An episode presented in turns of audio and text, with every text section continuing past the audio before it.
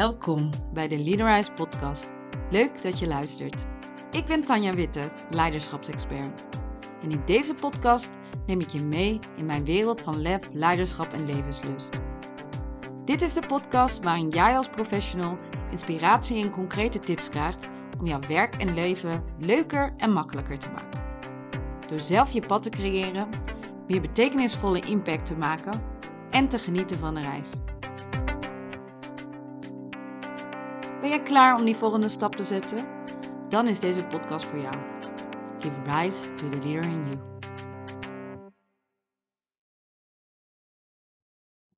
Maak jij betekenisvolle impact?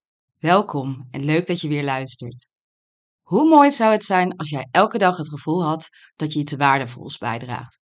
Voor jezelf, aan de mensheid, aan een betere wereld. Hoeveel plezier en energie zou je dit opleveren als dit de essentie zou zijn van je werkende bestaan? Waarschijnlijk ben je hier nog niet. Of nog niet helemaal.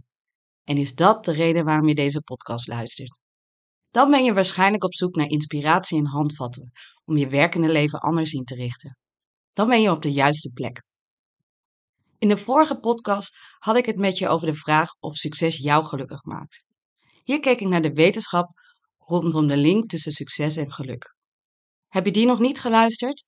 Dan raad ik je aan dat eerst te doen. Ik denk dat jij goed in staat bent om resultaten te behalen en je impact te meten vanuit doelstellingen. Daar gaan we het vandaag dus niet over hebben. Waar ik het wel met je over wil hebben, is de bijdrage die je levert aan een betere wereld en de zingeving die je daaruit ervaart. En vooral hoe jij hier leiderschap in kunt nemen. Want dat is wat ik versta onder betekenisvolle impact. In het bedrijfsleven kom ik veel mensen tegen die niet 100% tevreden zijn met waar ze nu staan. Op papier lijkt het vaak mooi. Een goede baan bij een organisatie met een mooie naam. Maar vaak missen ze het gevoel om van betekenis te zijn, bij te dragen aan een betere wereld. En dat gaat op termijn vaak knagen. Alleen maar resultaten behalen maakt niet gelukkig. Organisaties weten dat ook. Al meerdere jaren is er een beweging gaande dat organisaties werken met een purpose. Purpose vertaalt zich in het Nederlands het beste als missie. Al vind ik dat de betekenis niet helemaal mee wordt vertaald. Purpose is in mijn ogen altijd gelinkt aan een bijdrage aan een betere wereld, terwijl bij een missie dit niet altijd het geval is. In de praktijk worden de woorden door elkaar gebruikt. Neumeier zegt hierover het volgende. Mission is a masterplan for creating value. And a purpose is the reason you exist beyond making money. Dit sluit aan bij hoe ik er naar kijk. En daarom blijf ik bij de podcast bij het Engelse woord. Organisaties verdienen hun bestaansrecht door het leveren van een kwalitatief goede dienst of een product met tevreden betalende klanten. Maar tegenwoordig is dat niet meer genoeg om de mensen binnen de organisatie te binden en boeien en succesvol te zijn op de lange termijn. Dus ontwikkelen veel organisaties een purpose. Je ziet dit steeds meer terug. Een voorbeeld van een organisatie met een purpose is Renewy. Dit is Waste No More. Renewy kiest ervoor om afval te voorkomen, want hoe minder afval er bestaat, hoe minder er vernietigd hoeft te worden. Zakelijk gezien is dit een interessante keuze, omdat ze geld verdienen met het ophalen, scheiden en vernietigen van afval. Dit is niet de snelste weg naar de meeste omzet. Dit levert wel op dat veel mensen trots zijn om onderdeel van deze organisatie uit te maken. En dat zorgt indirect wel weer voor meer omzet. Want tevreden medewerkers zijn productiever en blijven vaak langer bij de organisatie werken. Jij kent vast ook wel organisaties met een purpose. Misschien werk je wel bij een. Vaak draagt een purpose bij aan een betere wereld via waarden als duurzaamheid, gezondheid, rechtvaardigheid of verbinding. Dit trekt nieuwe medewerkers aan en verbindt mensen die er al werken, omdat ze samen bij willen dragen aan dit hogere doel. Werken in een organisatie die een purpose heeft, kan voor een gevoel van betekenis en vervulling zorgen. Vaak werkt dit maar tijdelijk. Het is niet voldoende om te zeggen dat je als organisatie je waarden nastreeft, je moet het ook doen.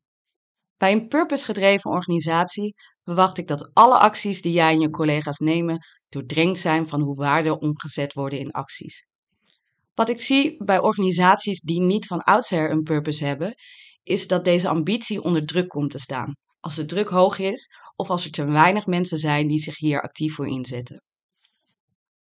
Onlangs sprak ik met een dame die onderdeel is van een leiderschapsprogramma. Ik noem haar voor het gemak even Anna. Anna werkt voor een organisatie met een duidelijke purpose. In het leiderschapsprogramma stonden diverse waarden en thema's centraal. Een daarvan is inclusion and diversity. Ze was dankbaar dat ze aan dit programma mocht deelnemen, maar vond dat ze deze waarden te weinig terugzag in de praktijk. En was van mening dat de organisatie meer waardegedreven mocht werken. Haar frustratie zat in het feit dat de organisatie wel uitsprak dat deze waarde belangrijk was, maar ze zag het niet terug in het gedrag van de toplaag. Zelf was ze erg bevlogen en had ze als persoonlijke missie om hier het verschil in te maken.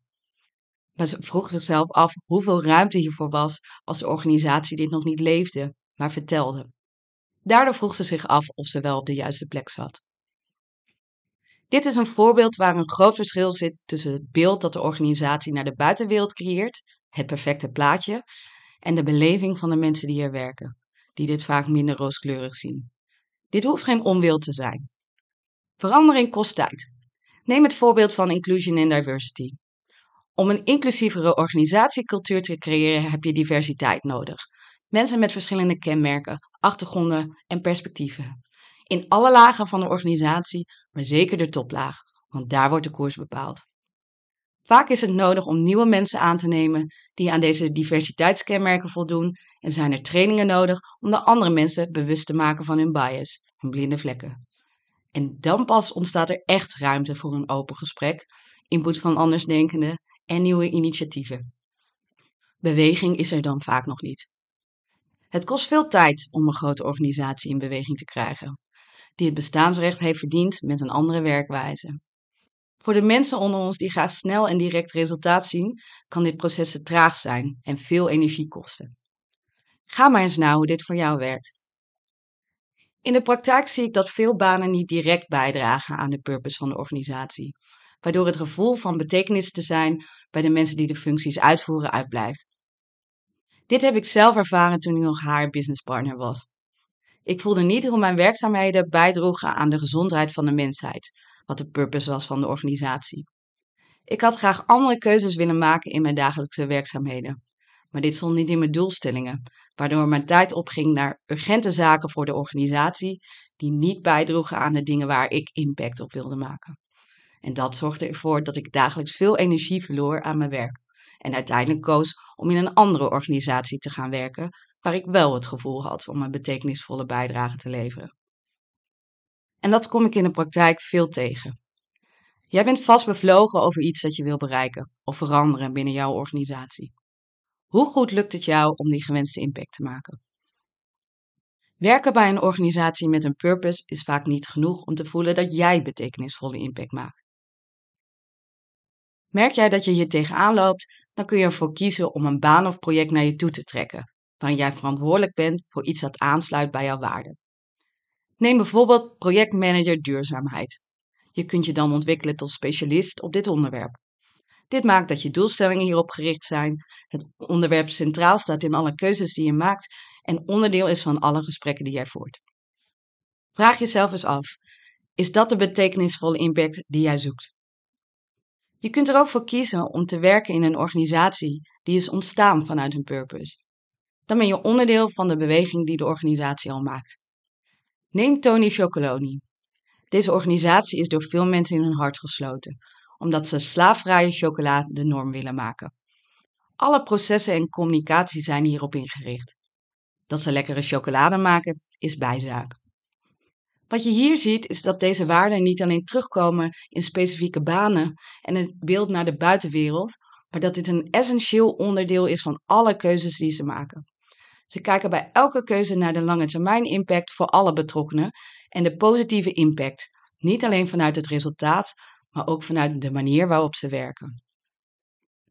In een organisatie die haar purpose leeft, val je minder op dan in een omgeving waarin je als specialist aan het begin van deze verandering staat.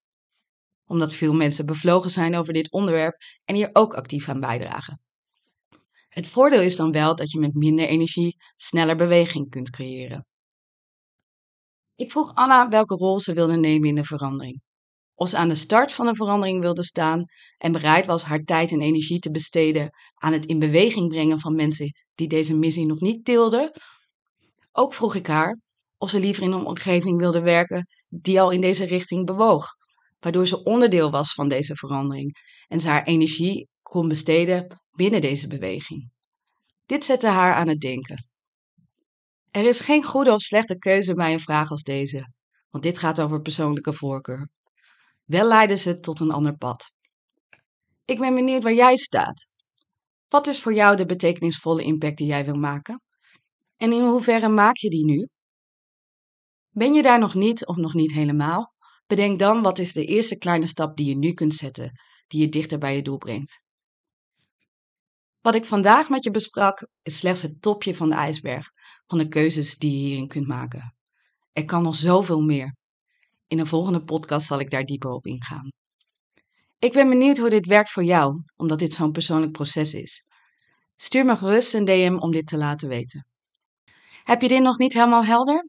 Dan wil ik je van harte uitnodigen op de RISE Leiderschapsdag op 21 april. Daar zal je met maximaal 12 gelijkgestemden een dag tijd maken voor wat je echt wil in een inspirerende omgeving. Meer voelen, minder denken. Om daarna dat gevoel te vertalen naar een concreet plan met stappen die jij te zetten hebt, zodat je van daaruit in beweging komt. Alle deelnemers van de eerste editie liepen geïnspireerd en met meer zelfvertrouwen weg. En ze namen actie. Dat gun ik jou ook. Wil je meer weten of direct inschrijven voor deze dag? De link vind je in de show notes of stuur me een bericht op Instagram. At Tot de volgende podcast.